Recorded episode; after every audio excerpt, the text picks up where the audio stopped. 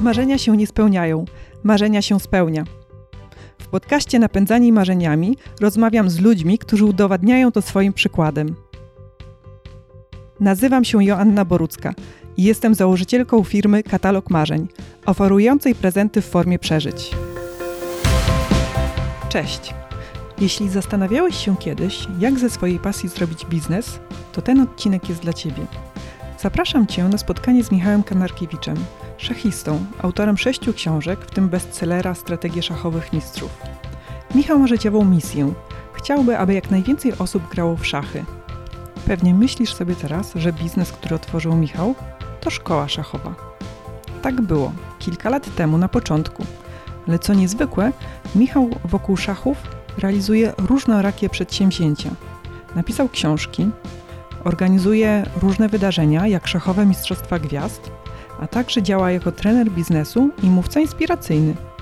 Rozmawiamy o życiowej drodze Michała, o lekcjach, jakie nabył dzięki szachom, o tym, jak rozwija swoje przedsięwzięcia e, biznesowe, a także o tym, dlaczego w ogóle warto grać w szachy. Zapraszam Cię serdecznie. Michał, dziękuję Ci serdecznie za to, że przyjąłeś zaproszenie do podcastu Napędzani Marzeniami. Dziękuję ten, za zaproszenie, Asiu. Dziękuję wielkie. Ten napęd, wielkie. ten napęd y, bardzo jest widoczny w Twoich działaniach i on zaczął się bardzo e, wcześnie, jeszcze jak byłeś dzieckiem. I Twoja historia, od tego chciałabym zacząć, bo Twoja historia nie jest taką zwykłą historią, że mm, rodzice wymyślili, że w ramach zajęć dodatkowych e, zachęcą Cię do tego, żebyś grał w szachy, spodobało Ci się, no i zacząłeś grać coraz więcej i więcej. To było trochę inaczej. Czy mógłbyś opowiedzieć, jak?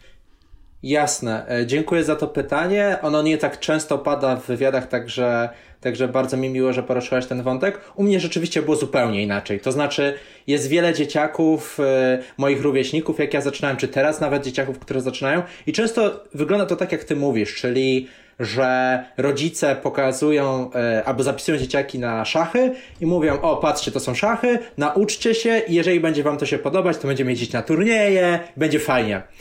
W moim przypadku było zupełnie inaczej. W moim przypadku to przyjaciel Ksawery, gdy miałem 10 lat, pokazał mi szachy. Od tego się rozpoczęła moja przygoda z szachami. Natomiast jeżeli chodzi o rolę mojej e, rodziny, moich rodziców, to tutaj w zasadzie ta rola była marginalna, jeżeli chodzi o wprowadzanie do świata szachów, bo żeby, żeby tutaj nie być głosowym, to moja mama może raz czy dwa była na turnieju szachowym, żeby zobaczyć, jak to wygląda, ale ogólnie przez większość mojej tej przygody juniorskiej szachowej moja mama na turnieje szachowe nie jeździła. Ja się usamodzielniałem w zasadzie od samego początku, więc moja mama nawet nie do końca wszystko rozumie, co tam się dzieje na turniejach szachowych, e, więc ta przygoda była rzeczywiście zupełnie, zupełnie, zupełnie inna. Przyjaciel ci, po, ci pokazał i przyjaciel cię uczył?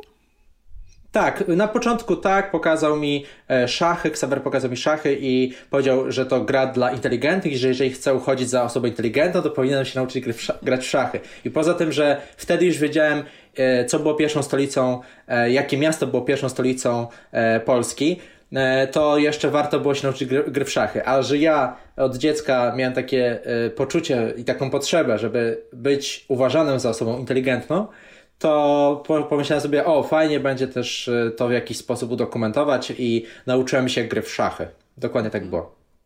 Właśnie chciałam się ciebie zapytać, co ci ta gra w szachy dawała, ale niejako odpowiedziałeś na to pytanie. Rozumiem, że właśnie mm, to poczucie, że mm, potwierdzenie, że jesteś osobą inteligentną, skoro potrafisz.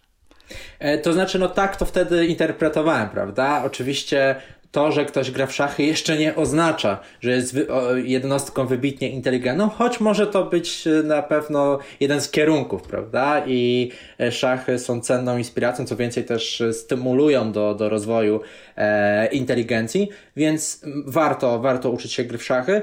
Na pewno też szachy dały mi e, takie poczucie e, tego, że jestem odpowiedzialny za własne życie. W zasadzie to wykształto, ukształtowały na, na przestrzeni wielu lat gry w szachy i ja, ja dość szybko, e, myślę relatywnie szybko, bo w wieku 15-16 lat już e, brałem za siebie odpowiedzialność i ta kompetencja brania od, za siebie odpowiedzialności wydaje się być kluczowa w wkraczaniu do życia dorosłego i moim zdaniem też bardzo pomocna, jeżeli e, jeżeli ten start był jaki był, bo w moim przypadku ten start nie był wymarzony, jeżeli chodzi o, o, o warunki, w jakich się, ja się wychowywałem i w, szczególnie gdy to dzieciństwo jest nieco trudniejsze od moich rówieśników, to warto być odpowiedzialnym za własne życie, ponieważ e, kiedy jest ciężej, tak, kiedy te warunki są niesprzyjające, to jest taka duża pokusa, by się poddać i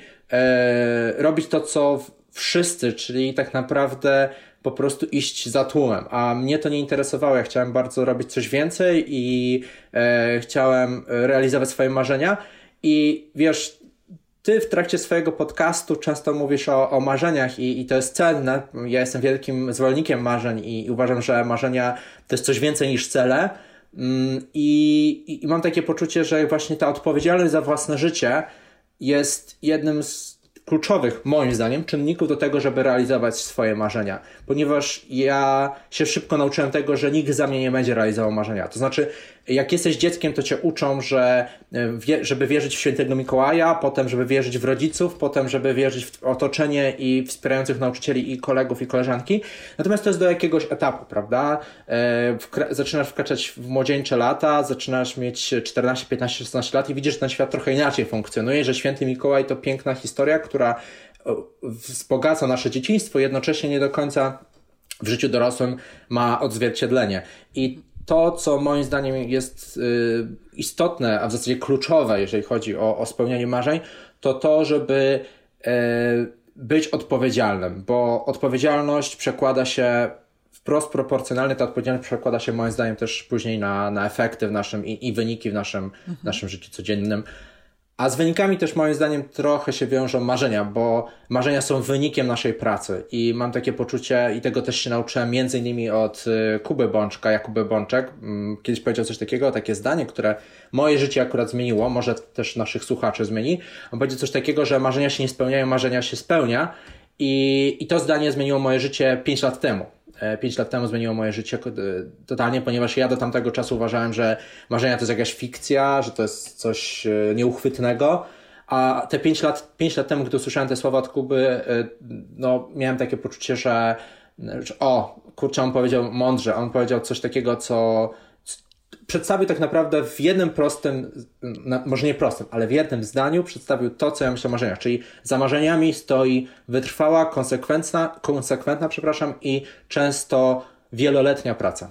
Mhm. Ja może powiem jako ciekawostkę, że to zdanie marzenia się nie spełniają, marzenia się spełnia pada bardzo wiele razy, już padło i na pewno padnie jeszcze wiele razy w tym podcaście. E, a ciekawostka jest taka, że um, początkowo ten podcast miał się nazywać Marzenia się spełnia, tylko w, w, momencie, kiedy wpadliśmy e, na tą nazwę, no to zobaczyliśmy, że ona już jest zajęta właśnie przez e, Kubę Bączka, stąd zmiana na napędzanie marzeniami. Ale wracając do ciebie, czy, czy szachy i osiąganie coraz wyższych pozycji, kolejne zwycięstwa na kolejnych poziomach, to było to twoje marzenie dziecięce, czy raczej widziałeś w szachach e, drogę, narzędzie do tego, żeby innego, inne marzenie zrealizować? O, to jest dobre pytanie i chyba nie udzielę jednoznacznej odpowiedzi, dlatego że w wieku 11-12 lat nie myślałem w kategoriach e, celów i nie myślałem w kategoriach tego, co chcę robić w życiu. Oczywiście tak jak każde dziecko miałem różne marzenia, tak? Na początku, zanim grałem w szachy, to chciałem być piłkarzem, chciałem być jak Zidane, zresztą wciąż Zidane jest moim e, idolem piłkarskim i bardzo bym chciał go poznać. Mam nadzieję, że też zagrać partię szachów. Jak, jak słucha nas Zinedine Zidane, to chętnie zapraszam. E, wyślę też szachy z podpisem do Madrytu, bo w tej chwili jest trenerem, trenerem Real Madryt, są też wielką legendą piłkarską Realu Madryt i reprezentacji Francji. I gra w szachy, Powiem... rozumiem, że wiesz o tym, tak? Tego akurat nie wiem, dlatego mówię, że jeżeli ma ochotę, to mogę albo nauczyć, albo zagrać partię. Anyway, spotkać się z Zidanem przy szachownicy to jedno z moich marzeń. Mówię je na głos, bo mhm. kto wie, może wśród słuchaczy będzie osoba, która może wesprzeć mnie w realizacji tego marzenia.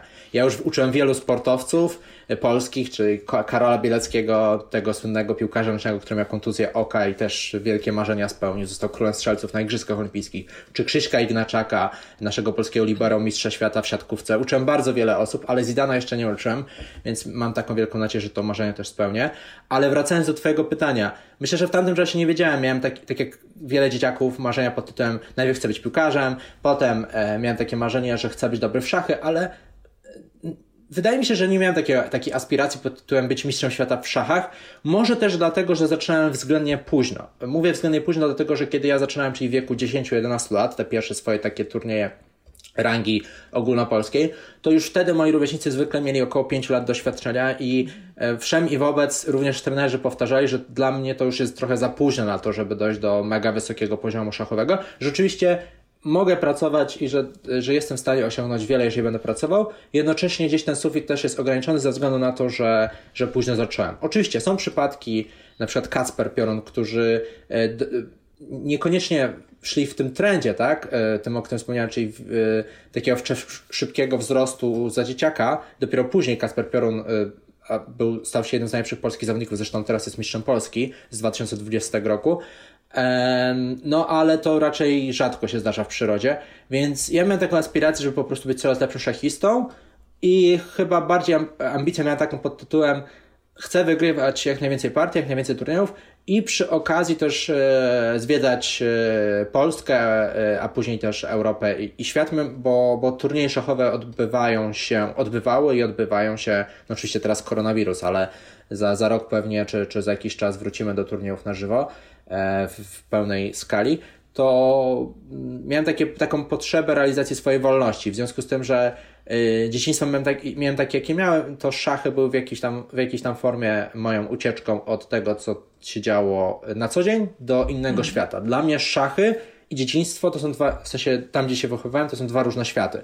Więc kiedy jeździłem na turnieje, to naprawdę jeździłem do innego świata. To jest trochę tak, jakby porównać e, e powiedzmy e, dzieci, które nigdy nie wyjechały ze swojego kraju, pierwszy raz lecą na wycieczkę do Stanów. Coś na tej zasadzie. Doświadczasz czegoś zupełnie innego. Nie oceniamy lepszego, gorszego, tylko mówimy po prostu coś zupełnie innego. Dla mnie tak samo było wielkim szokiem, kiedy w zeszłym roku po raz pierwszy poleciałem do Stanów. Dla mnie to też był po raz kolejny doświadczenie zupełnie nowego świata. I e, gdyby ktoś 5 lat temu mi powiedział, że, że będę w tym miejscu, gdzie jestem dzisiaj, no to oczywiście bym go kompletnie wyśmiał. E, natomiast mam takie poczucie, że szachy dały mi po prostu duże poczucie e, wolności. Może też nauczyły mnie marzyć i ale, ale przede wszystkim nauczyły mnie tego, żeby pracować nad swoimi celami czy też marzeniami, w zależności od tego, co to jest konkretnie.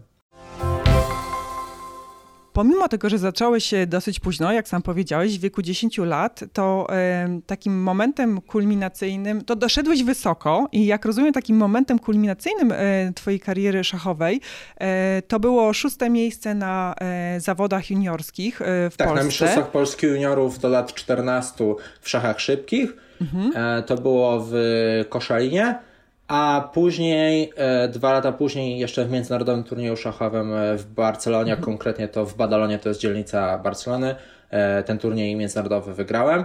To były takie dwa kluczowe osiągnięcia juniorskie. Mm, I bym nazwał to też takim pikiem swoim, takim mhm. naj, najlepszymi osiągnięciami juniorskimi. Myślę, że fajna przygoda, fajna przygoda, każdemu mogę polecić. Zawodowcem szachowym się nie stałem i już to się raczej nie wydarzy. Natomiast na tyle te szachy e, przez te kilka lat kariery juniorskiej, czyli od 10 mniej więcej do 16-17 roku życia, czyli 6-7 lat powiedzmy, może 8, zakładam, że do 18, to ukształtowały mnie na tyle i na tyle wzbudziły tą pasję, rozpaliły ten ogień pasji, że z szachami zostałem do dziś. Mhm. A jak się człowiek czuje, jak e, no w ciągu tych sześciu lat, od 10 roku życia do 16, do tego zwycięstwa międzynarodowego, idziesz cały czas w górę, a później mm, no, zostajesz e, na tym poziomie, na którym byłeś i już w górę nie idziesz. E, pytam e, z takiego mm, punktu widzenia psychologicznego, jak człowiek sobie z tym radzi i jak ty konkretnie sobie z tym poradziłeś? Mhm. Eee, rozumiem pytanie. To jest w ogóle właściwe, zasadne pytanie. Chyba po raz pierwszy je dostałem, więc naprawdę jesteś dobrze przygotowana. A ja udzielam naprawdę wiele wywiadów. To jest pierwszy raz dostałem tego typu pytanie. Dzięki. I e, potrzebuję się tutaj e, teraz e, sekundę zastanowić. E, znaczy, przede wszystkim może powiem tak. Nie mogę odpowiadać za wszystkich, bo jak się inni czują, to, to każdy jest indywiduum. Ale jak ja się czułem, to mogę ci powiedzieć. E, u mnie to nie. E, myślę, że niektórzy mogą mieć takie poczucie, że to jest wielka strata, ale miałem zupełnie odwrotnie. Dlatego, że ja podjąłem świadomą decyzję o tym, że kończę swoją karierę, nazwijmy to pół, albo może profesjonalnego juniora, który aspiruje do bycia w, w topie mojego rocznika, na rzecz tego, że ja zaczynam zarabiać pieniądze. I to jest, e, to był mój wybór w ogóle. Ja świadomie zrezygnowałem z turniejów szachowych, chociaż jeszcze mogłem to spokojnie ciągnąć przez rok, dwa, zobaczyć co się wydarzy, ale zrezygnowałem dlatego, że e, tak jak wspomniałem, mm, to wymagające dzieciństwo sprawiło też również mm, pod kątem ekonomicznym, że potrzebowałem nie tylko usamodzielnić się pod kątem robienia zakupów i tak dalej, ale też pod kątem zarabiania pieniędzy, mówiąc krótko, kolokwialnie i wprost. E, więc ja w wieku 16 lat zacząłem udzielać pierwszych lekcji szachowych i na tyle robiłem to na tamten, na tamten czas przede wszystkim z dużą pasją, że, e, że miałem coraz więcej uczniów i pojawiało się coraz więcej możliwości uczenia e, w szkołach, w przedszkolach, w różnych formach, prawda, czy, czy domach kultury. I tego było tak wiele, że łączenie jeszcze nauki w liceum, oczywiście, y, umówmy się, szkoła średnia to nie jest y, jakieś super trudne zadanie do ukończenia. Oczywiście na tamtym czasie to było wymagające, ale w skali życia to nie jest najtrudniejsze życie, e, zadanie, jakie masz w życiu. Natomiast łączenie szkoły średniej z pracą już powiedzmy w charakterze około 10 godzin w tygodniu, to już jakieś wyzwanie jest, tak, żeby to połączyć. A na pewno już absolutnie nie ma czasu na to, żeby, nie ma przestrzeni na to, żeby jeszcze grać, yy, znaczy grać to jest jedno, jeszcze trenować szachy, to, to jest jeszcze inny temat. Więc ja w wieku powiedzmy przełom 16-17 roku życia, a już na pewno w 18 roku życia e, skupiłem się wyłącznie na pracy i, ta praca już się potem rozszerzyła do 20 godzin tygodniowo, więc tego było naprawdę bardzo wiele. Zresztą było nawet tak, że kiedy e, e, byłem w klasie maturalnej w szkole średniej, to ja już wtedy jednocześnie uczyłem prowadziłem takie lekcje szachowe w szkole podstawowej, w przedszkolu, w gimnazjum, więc ja już w kilku różnych miejscach pracowałem, zresztą w tym samym mieście. Ja co była ciekawa historia, naprawdę autentyczna historia, że e, nauczyciele z mojej szkoły średniej spotykali mnie w pokoju nauczycielskim w gimnazjum, bo ja tam uczyłem szachów. I to była bardzo ciekawa, e, dla mnie osobiście bardzo e, inspirująca historia, którą teraz też się dzielę, bo myślę, że może być ciekawym odnośnikiem dla osób, które być może są w podobnej wymagającej sytuacji finansowej jak ja za dzieciaka, a chcieliby zrobić coś więcej i nie do końca mają na to środki. No to właśnie może jeżeli masz coś, co, co się przyda w szkole, y, no teraz jest koronawirus, ale po koronawirusie, coś, co może zainteresować dzieciaki, potrafisz, nie wiem, e, w brydża grać, potrafisz grać w szachy, warcaby, potrafisz y, Warsztaty stolarskie mam taką. Tak, a, a, albo kompetencje przykład. muzyczne, mhm. plastyczne, jakiekolwiek, które uznasz, że są potrzebne dzieciakom, to pójdź do, do, do kilku wybranych szkół, zaproponuj e, taką współpracę. E, ja tutaj w ogóle od razu zachęcam do tego, żeby nie robić tego w, w charakterze wolontariatu. To jest, to jest taki jeden z dużych błędów, moim zdaniem, na start. E, to znaczy, inaczej, może to jest niepopularne, co powiem, ale uważam, że jeżeli zaczynasz od wolontariatu, to, trudno ci potem uciec od tego. W sensie, trudno ci później przejść do, do, do momentu, kiedy będziesz w, te, w, tym samym miejscu zarabiać za to y, konkretne pieniądze. Ja od samego początku miałem takie nastawienie, że ja chcę zarabiać e, pieniądze, bo one mi są potrzebne, no bo takie są, takie są warunki w domu. I ja za wolontariat, za ładny papierek e, z podziękowaniem nie, nie, nie kupię sobie jedzenia, prawda? Oczywiście to jest miłe i, i inspirujące i, i, też w jakiś sposób e, gratyfikujące, ale jednocześnie nie dające środków do życia. Więc ja zachęcam do tego, żeby od samego początku zarabiać, nawet jeżeli to będzie powiedzmy kwota 20 czy 30 zł za godzinę korepetycji, to też jest ok. Każdy od jakiegoś poziomu zaczynał, ale ja zachęcam do tego, żeby nie robić tego za darmo. Może zrobić pokazowe, jedne, drugie zajęcie za darmo, ale potem już e, pobierać za to opłaty, bo marzenia i tego też się nauczyłem, wracając do naszego głównego e, wątku podcastu i w ogóle myśli przewodniej Twojego podcastu, to za, za marzeniami często też stoją pieniądze i ja się tego też nauczyłem bardzo szybko. E, taka fikcja, która nam się przekazuje za dziecka, że wystarczy marzyć, to tylko w amerykańskich filmach się wydarza. Często za marzeniami stoją e, nakłady finansowe i, i czym szybciej tego się nauczymy, tym będzie łatwiej nam je realizować. Mhm widać to takie mocne nastawienie biznesowe i e, w tym, co mówisz, i to e, mówię to w bardzo pozytywnym sensie i przyznam, że ja jestem pod ogromnym wrażeniem, jak ty na wielu e, polach eksploatujesz, może to nie jest najlepsze słowo, ale właśnie wykorzystujesz szachy pod kątem biznesowym, czyli od tych y, mm, pierwszych takich indywidualnych lekcji szachowych. Rozumiem, że potem była e, szkoła, e, pierwszy ruch, szkoła nauki gry tak, w szachy. A dzisiaj tak to jest y, no, zdecydowanie jeszcze większe spektrum, bo książka, jedną z nich, y, właściwie kilka książek, pięć, y, jedną z nich widzimy za Twoimi plecami.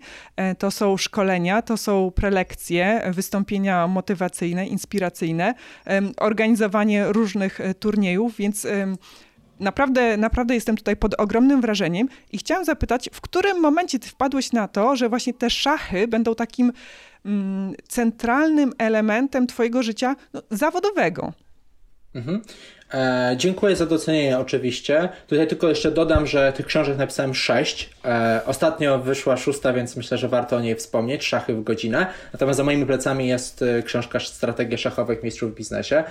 E, wracając do Twojego e, pytania, e, myślę sobie w ten sposób, że znowu pewnie, mm, pewnie niektórzy chcieliby usłyszeć taką odpowiedź bajkową pod tytułem, że zawsze tak chciałem. Jednocześnie chyba życie to tak nie do końca wygląda w życiu tak realnym. Ja myślę, że to jest trochę tak, że pasja była, pojawiło się element korepetycji szachowych, lekcji szachów, szkoła szachowa pierwszy ruch i lekcje dla dzieci, ale cały czas ja próbowałem różnych też innych rzeczy i, i myślę sobie, że to co warto e, to w życiu próbować różnych rzeczy, próbować różnych smaków, żeby do, dowiedzieć się, czy to jest nasze.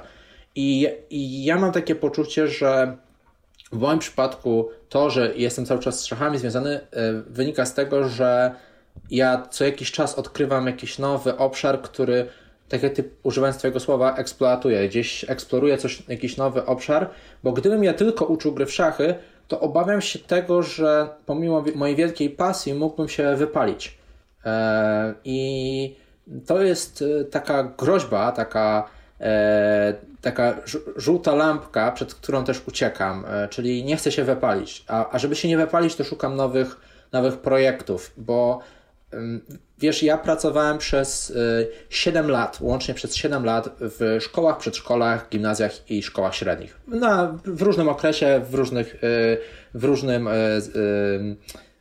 w różnej częstotliwości, natomiast w tych wszystkich, na wszystkich etapach edukacyjnych, no plus na uczelni.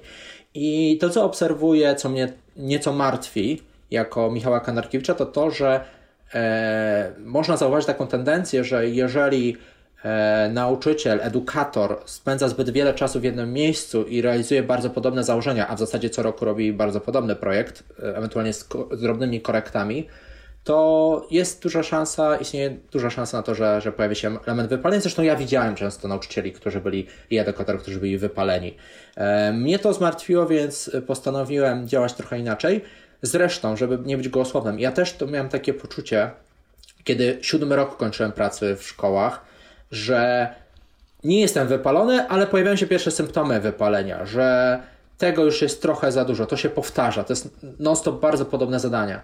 I mam takie poczucie, że, yy, że kiedy widzimy te pierwsze symptomy, to najważniejsze jest to, żeby coś z tym zrobić. Żeby po pierwsze sobie uzmysłowić, a po drugie coś z tym zrobić. I moją decyzją, moja decyzja była taka, że yy, idę w kierunku biznesowym i wykorzystania strategii szachowych mistrzów yy, w biznesie, bo tutaj też skorzystałem z cennych rad moich znajomych, czy, czy Sylwii Królikowskiej, czy, czy Leszka Badurowicza, którzy mi podpowiedzieli, że warto ten kierunek eksplorować.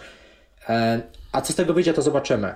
I nikt nie daje gwarancji, bo to też jest taka ciekawa, ciekawa ciekawostka. Ja mam takie poczucie, że e, mm, boimy się zmiany, bo nie wiemy, co będzie po zmianie. No, ale to nikt nie wie. Ja też tego nigdy nie wiem, co będzie po zmianie. Dlatego staram się tę zmianę przeprowadzać bo, bo lubię poczucie bezpieczeństwa, więc staram się przeprowadzać te zmiany w sposób bez, bezpieczny, czyli ja temat y, strategii szachowych mistrzów w biznesie zacząłem jeszcze wtedy, gdy pracowałem w szkołach. Czy ja już w ostatnim roku, a nawet dwa lata, dwa ostatnie lata pracy w szkole, ja już zaczynałem coś z tym robić. Y, oczywiście zintensyfikowałem to pod koniec przez ostatnie pół roku, ale pracowałem nad tym po godzinach. Po to, by bez, w sposób bezpieczny przeprowadzić takie przejście do kolejnej, do kolejnej dziedziny. Bo ja nie zachęcam do tego, żeby mówiąc oczywiście kolokwialnie i w cudzysłowie, w cudzysłowie przepraszam, metaforycznie, e, że żeby, kupi, żeby rzucić wszystko, kupić kozę i wyjechać w Bieszczady, e, tylko zachęcam do tego, żeby budować tak zwaną drugą i kolejną nogę biznesową, to tak nazywamy, czyli tworzenie kolejnych segmentów e, swoich usług, produktów, żeby jeżeli uczysz w szkole, to na przykład dr twoją drugą nogą mogą być korepetycje domowe, trzecią nogą może być, nie wiem, e-book albo książka, którą sprzedajesz, czwartą no nogą może być prowadzenie szkoleń. W każdym razie, czym więcej nóg stworzysz, tym bardziej stabilny, bezpieczny i e, długoterminowy, e, długoterminową działalność prowadzisz. E, I w przypadku mnie jako nauczyciela, ja miałem też taką barierę na, na, na starcie, że w ogóle w świecie edukacji jest takie poczucie, że, że jak nauczyciel robi biznes, to to nie jest nauczyciel z pasją, bo jeżeli robi biznes, to to jest, to, to jest biznesmen, a nie nauczyciel z pasją.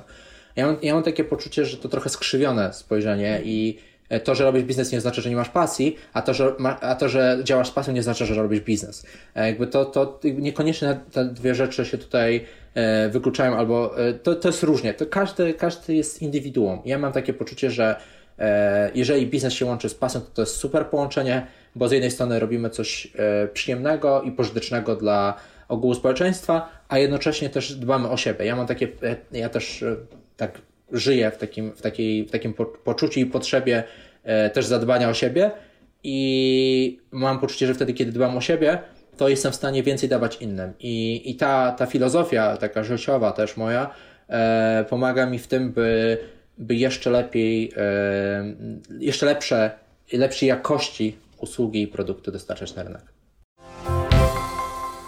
A skąd się wzięło w tym spektrum działań e, biznesowych, chociaż więcej niż tylko biznesowych, szachowe mistrzostwa gwiazd? Bo ja bym powiedziała mhm. tak, że zacząłeś propagować szachy na szeroką skalę, zanim to stało się tak modne, jak w tym roku. Wiadomo, do czego nawiązuje, e, do, mhm. E, do Gambitu serialu. Królo, tak. Gambitu Królowej, tak. The Dokładnie. Dokładnie. No tak, no znaczy no i w zeszłym roku, kiedy, bo to rok temu dokładnie się działo, kiedy e, zorganizowałem szachowe Mistrzostwa Gwiazd, to jeszcze nawet nikt nie myślał o tym, że, że ten serial będzie i że będzie tak popularny. W tej chwili to jest oczywiste, a rok temu nikt o tym tak nie myślał. E, ta impreza powstała z czystych pobudek e, wizjonerskich i e, popularyzacyjnych. Tutaj to jest projekt, w którym, w którym ja inwestuję własne, prywatne środki w to, by szachy promować. Robię to e, właśnie za pieniądze, które zarabiam e, w swoich działalnościach. I to jest myślę też istotne, e, bo wspomniałem o tym wcześniej, prawda, że żeby realizować marzenia potrzebne są często pieniądze. I właśnie to jest ten case, tak, że szachowe mistrzostwa gwiazd nigdy by się nie odbyły, gdyby nie pieniądze, bo to jest nierealne zrobić taką imprezę bez pieniędzy. Inaczej, w moim odczuciu, tak? Bo ja nie chcę sprzedawać opinii językiem faktów, ale w moim odczuciu robienie imprezy szachowe mistrzostwa gwiazd, gdzie zapraszamy e, gwiazdy do grania w szachy, gdzie Jarek Kret zagrał w szachy, gdzie ostatnio uczyłem Gosia Andrzejewicz, Karola Bielskiego czy Krzyśka Ignaczaka, robienie tego na Stadionie Narodowym, gdzie to wszystko kosztuje, tego nikt nie daje za darmo, e, żeby była jasność to, mm, to, to no, wymaga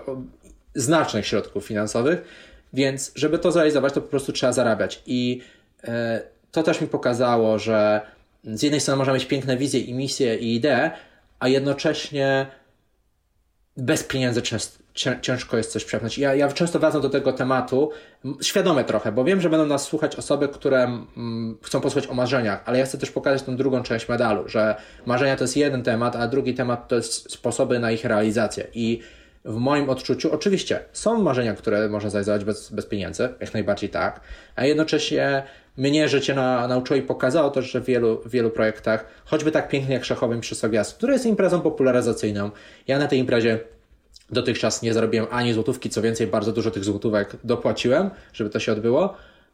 No ale żeby realizować takie projekty, które, które rzeczywiście mają wpływ na, e, na dłuższy czas, bo ja patrzę przez pryzmat tego, co po mnie e, zostanie, jaką słuszną sprawę realizuję, a, a moją słuszną sprawą jest to, żeby popularyzować grę w szachy i mam takie duże poczucie satysfakcji właśnie ze względu na ten projekt, bo, bo, bo czuję, że on realnie przyczynia się do popularyzacji szachów. Oczywiście w tej chwili Gambit Królowej ma największy wpływ i to trzeba powiedzieć otwarcie, natomiast y, w takim lokalnym naszym rozumieniu polskich szachów, no to jest oczywiście Jan Krzysztof Duda, czyli najlepszy polski szachista, a myślę, że też moje projekty, które realizowałem wspólnie z, z wieloma podmiotami współpracującymi, też w jakiś sposób popularyzują te szachy i mm, czuję, że nawet jeżeli to jest projekt, z którego być może nigdy nie zarobię na nim złotówki, może tak się zdarzyć, trudno powiedzieć, e, ale ten projekt y, zostawia coś ważniejszego niż ja i mam takie poczucie, że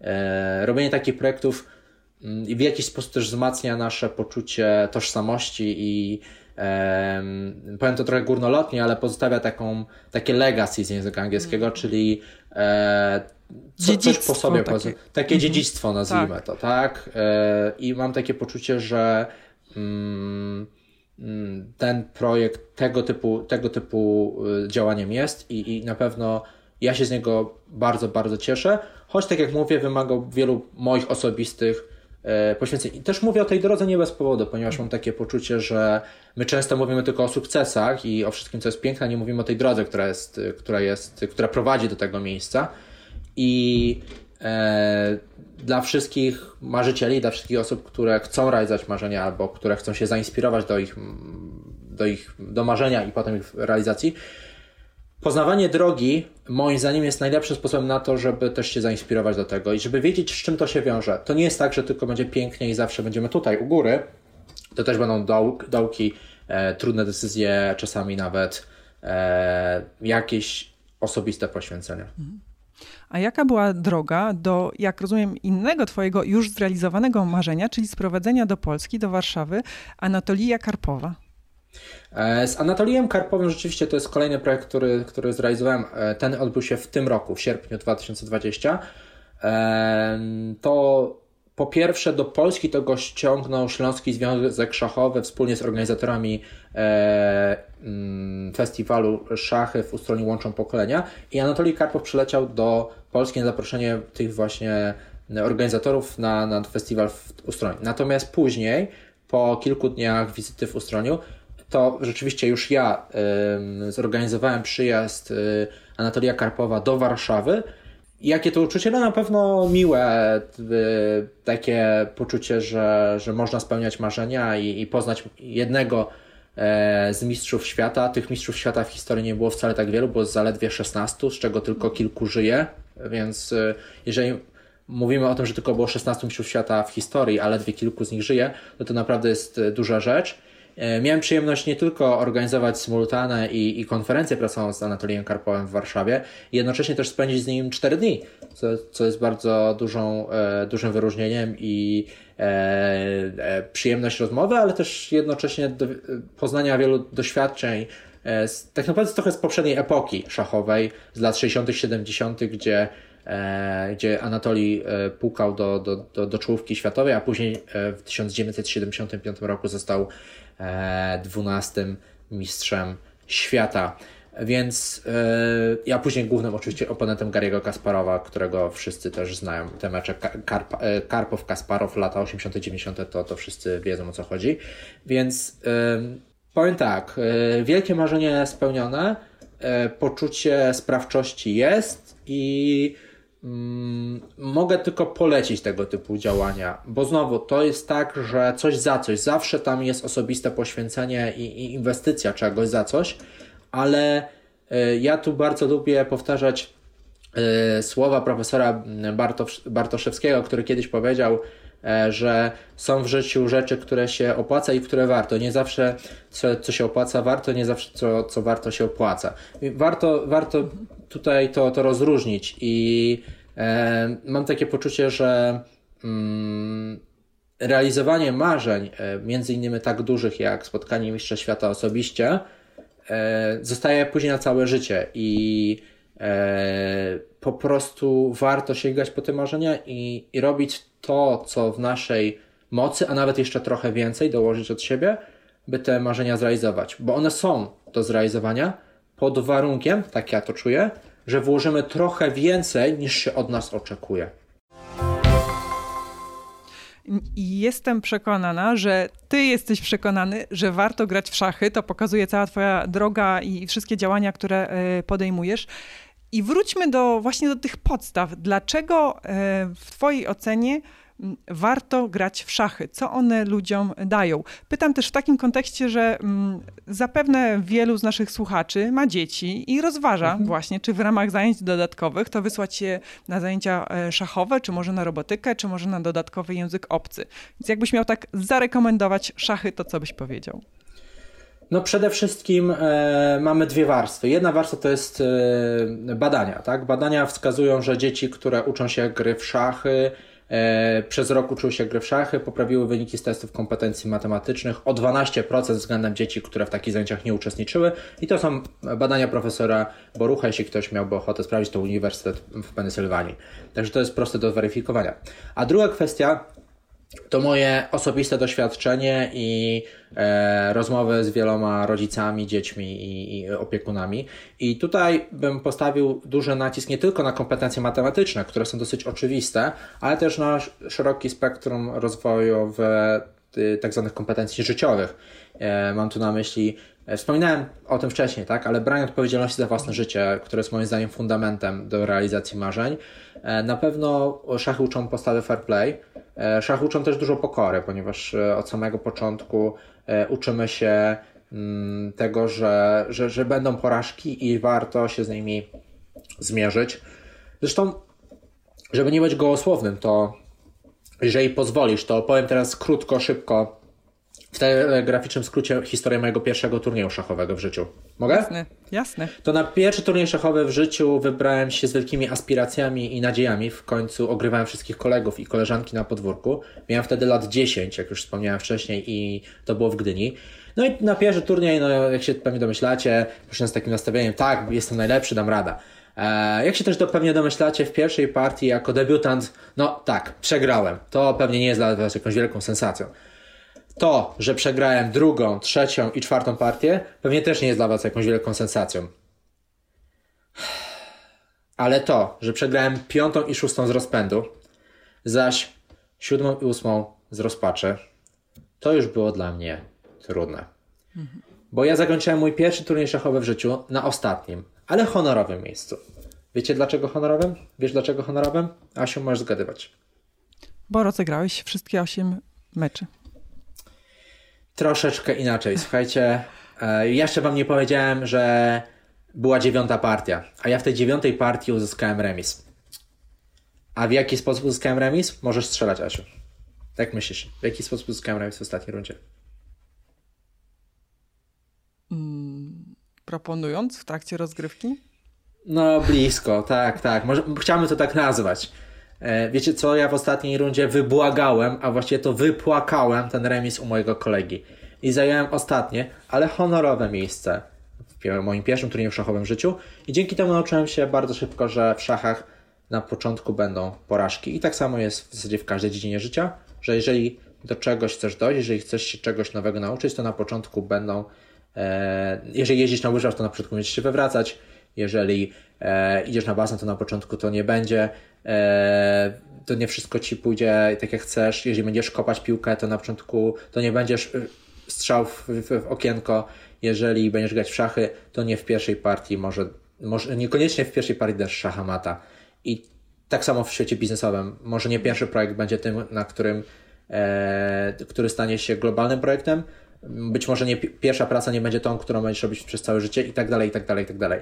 Tych, przykładów można mnożyć, ale mój pierwszy turniej szachowy w życiu nauczył mnie tego, żeby e, przyjmować e, porażki i wyciągać z nich lekcje, bo to jest wartościowe, że e, porażki same w sobie nie są dla nas wartościowe. Wartościowe jest wyciąganie lekcji, bo jeżeli bijesz głową w ścianę i wciąż nie wyciągasz z tego wniosków i wciąż bijesz głową w ścianę, to niekoniecznie coś się wydarzy, ściana się raczej nie przesunie. Dlatego warto nauczyć się wyciągać wnioski i tego szachy uczą.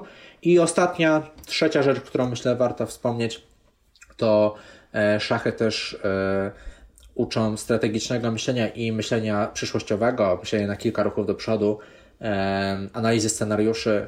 E, to jest szczególnie ważne w naszym życiu osobistym i zawodowym. Zawodowe jest to ważne dlatego, że w biznesie planowanie pomaga i, i pracownicy, którzy myślą na kilka ruchów do przodu, czy właściciele, e, którzy budują biznes na kilka, kilkanaście lat do przodu, to, to, to jest na pewno cenna kompetencja, a w życiu osobistym też to się przydaje, bo niezależnie od tego, czy pracujesz u kogoś, czy masz własną firmę, czy jesteś studentem, czy uczniem, czy kimkolwiek tak naprawdę nie jesteś, to ci się przyda, by swoją drogą e, pokierować w swój wybrany sposób, ale tak, żeby patrzeć na kilka ruchów do przodu, bo oczywiście można żyć chwilą, carpe diem i, i to jest też piękne, bo uważam, że warto umieć żyć chwilą. Jednocześnie warto też znać swój kierunek, bo dla mnie strategia to jest pewien kierunek działania, czyli E, dla mnie na przykład kierunkiem działania jest popularyzowanie gry w szachy. A w jaki sposób ja to osiągnę? Czyli tu już mówimy o taktyce, to jest osobny temat, bo to mogą być szachowe mistrzostwa gwiazd, może to być e, szósta i kolejne książki, może to być wizyta Anatolia Karpowa w Polsce, dokładnie w Warszawie. Mhm. Tych pomysłów jest bardzo wiele, ale warto znać swój kierunek, żeby w tym kierunku zmierzać i w momentach trudnych w szczególności ta wizja, strategia jest ważna, bo w momentach trudnych jest duża pokusa, żeby się poddać. A jeżeli masz wizję i strategię, to nawet jeżeli jest trudno, to działasz dalej, bo wiesz, że coś większego od ciebie, to jest bardzo ważne, coś większego od ciebie, od Michała Kanarkiewicza, od Jana Kowalskiego jest do zrobienia. Mhm.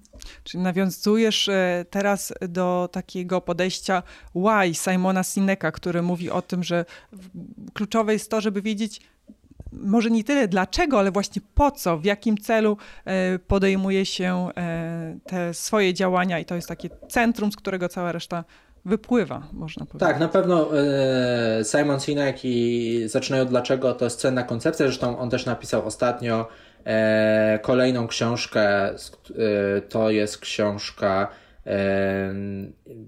Skończone gry i nieskończone gry, bodajże tak. jakoś tak skończone gry chyba i nieskończone gry. Nie chcę tutaj, nie chcę tutaj przekręcić, ale coś tego typu. To jest książka z tego roku, z 2020, w sensie w Polsce wydana. E, I w tej książce e, jest e, taki, taki koncept słusznej sprawy, który też nawiązuje oczywiście do zaczynania od dlaczego.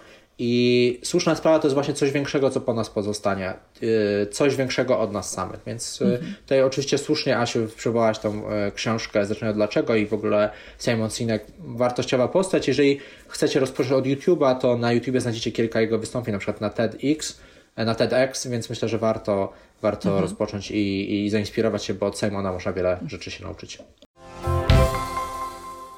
A ja chciałam Ciebie jeszcze zapytać o coś nieoczywistego związanego z szachami, bo e, wyczytałam, dowiedziałam się, że e, żeby być e, dobrym szachistą, to trzeba być też w dobrej kondycji fizycznej. Czy tak naprawdę jest? A jeśli tak, to, to dlaczego? No, na pewno na tym najwyższym szachowym poziomie to zawodnicy podlegają szczególnej diecie i dbaniu o wysportowany e, tryb życia i o sportowy tryb życia i wysportowane ciało. E, no głównie dlatego, że partie szachowe w szczególności w, w trakcie meczów o Mistrzostwo Świata, czy w, w trakcie długich turniejów tak zwanych kołowych, czyli systemu każdy z każdym, mhm. tam partie często trwają po kilka godzin, jedna partia. W związku z tym, jeżeli siedzisz kilka godzin przy, przy partii, to no, ulegasz zmęczeniu. I teraz ta osoba, która dłużej jest w stanie utrzymać koncentrację, często jest mniej podatna na to, żeby popełniać błędy. A zwykle na najwyższym poziomie jeden błąd przekreśla całą partię.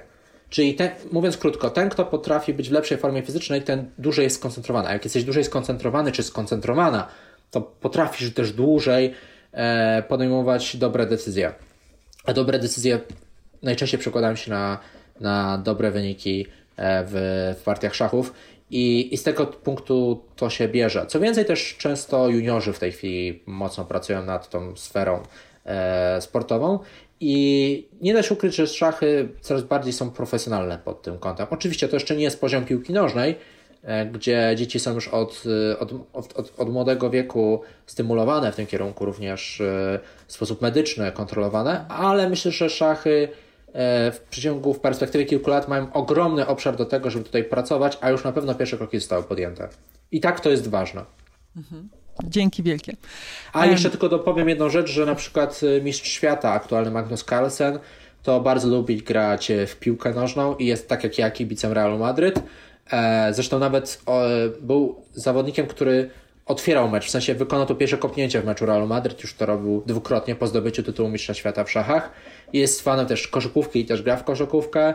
Lubi jeździć na rowerze, więc to też w jakiś tam sposób pokazuje młodym szachistom, którzy chcą się inspirować od mistrzów, że to już nie są czasy sprzed 50 lat, gdzie mistrz świata siedział z, e, z cygarem albo z papierosem i, e, i, i grał sobie w szaszki. Teraz to w szachy gra mistrz świata, który bardzo dba o te wszystkie detale, więc cytując klasyka, detale są ważne. Michał, zbliżając się e, powoli do końca e, naszej rozmowy, to mam pytanie, czy szachy owładnęły tobą tak całkowicie, że nie masz czasu na żadne inne pasje, czy jednak jakaś inna pasja gdzieś tam się mieści? E, no właśnie, to też jest ciekawe, bo ja mm, blisk, bliska mi jest yy, yy, może inaczej, powiem tak bliskie mi jest to, by całe życie się edukować, a edukacja często związana też jest ze źródłami naukowymi. I z perspektywy naukowej dobrze jest, jeżeli pasja jest harmonijna, a nie wypalająca. A wypalająca jest wtedy, gdy mów, y, ona się cechuje takimi zwrotami, na przykład nie mogę żyć bez czegoś. Przykładowo, nie mogę żyć bez szachów. Nie mogę przestać myśleć o tym. I z jednej strony to jest obsesja zwycięzców, którzy, e, no, najlepsi sportowcy na świecie tak, tak mówią często w ten sposób. Jednocześnie jest to groźne, bo jeżeli coś ci zabierze tą, tą twoją pasję, to jest tak jakby trochę często tracisz sens swojego życia. Natomiast ja jestem zwolennikiem wielkiej pasji harmonijnej, która się objawia tym, że bardzo lubię coś robić, jednocześnie mam też inne aktywności w zanadrzu. I w moim przypadku zdecydowanie idę w kierunku pasji harmonijnej e, i, i to podejście takie naukowe do pasji harmonijnej jest mi dużo bliższe. I w moim przypadku, jeżeli chodzi o pasje harmonijne, no to oczywiście poza szachami, no to też lubię grać w koszykówkę, jeżeli są przestrzenie, to też gram w piłkę nożną. w ostatnim czasie też e, regularnie gram w squasha. Mm, I e, ostatnio podejmuję, co prawda, jeszcze wciąż nieudane, ale mam nadzieję, że coraz lepsze próby nauki tańca. To jest moje wyzwanie. Wow, brzmi bardzo fajnie. To życzę Ci e, wielu sukcesów na tych polach tanecznych i sportowych. Dziękuję I bardzo. bardzo dziękuję za tą rozmowę. E, Również Będę... dziękuję. Mam nadzieję, że będzie inspirujące dla naszych słuchaczy. Ja myślę, że bardzo. E, dla mnie jest bardzo ciekawa. E, różne rzeczy, o których opowiadałeś, też odnoszę do swojego prywatnego życia i do dzieci, bo moje dzieci mm, może już nie uczą się tak regularnie gry w szachy, ale parę, dobre, parę dobrych lat uczyły się, więc jest mi bliskie to, to, o czym mówisz. I, I, myślę, że wiele tych lekcji, o których opowiadałeś, mm, nauczyły się po prostu dzięki Super. szachom. Bardzo się cieszę. Także kibicuję dalej. Podlinkujemy Dziękuję. pod tą rozmową e, Twoje media społecznościowe, Twoją stronę, Super. żeby Dziękuję. E, słuchacze i widzowie też mogli się zapoznać e, z Twoim dorobkiem i śledzić dalej Twoje dokonania. Bardzo dziękuję. Jeżeli chcielibyście się zapoznać z, moim, z moją działalnością biznesową, to oczywiście tam będą linki, ale jednocześnie, jeżeli są wśród Was, wśród was osoby, które czy po wysłaniu tego podcastu, czy po obejrzeniu Gambitu Królowej, czy po jakiejkolwiek innej aktywności chcielibyście się nauczyć gry w szachy, to też e, ja tutaj poproszę Asię, żeby podlinkowała dwie rzeczy. Jedna to jest e, książka moja, Szachy w godzinę, która uczy w godzinę jak grać w szachy, a drugie to, pod, to link do kanału na YouTube, gdzie znajdziecie 12 filmów o nauce gry w szachy od podstaw, od kompletnie od zera do momentu, kiedy jesteście w stanie już rozegrać pierwsze partyjki, ale nawet też pierwsze strategie. I te filmy są totalnie bezpłatne na YouTube, więc możecie sobie obejrzeć, a potem jak będziecie potrzebowali jeszcze więcej wiedzy, no to oczywiście znajdziecie mnie bez problemu w mediach społecznościowych. Dzięki wielkie. Również dziękuję. Szach i mat, jak zwykle tak kończę rozmowę, więc szach i mat. Dziękuję Asiu i do zobaczenia. Do zobaczenia. Bardzo się cieszę, że kolejny gość potwierdził, że marzenia się nie spełniają, marzenia się spełnia. Mam nadzieję, że ta rozmowa zainspirowała Cię do tego, aby wziąć sprawy w swoje ręce i wykonać kolejny ruch na drodze do realizacji Twoich marzeń. Jeśli spodobała Ci się ta rozmowa, to będę wdzięczna za kciuka w górę czy komentarz w mediach społecznościowych. Pozdrowienia i do usłyszenia w następnym odcinku.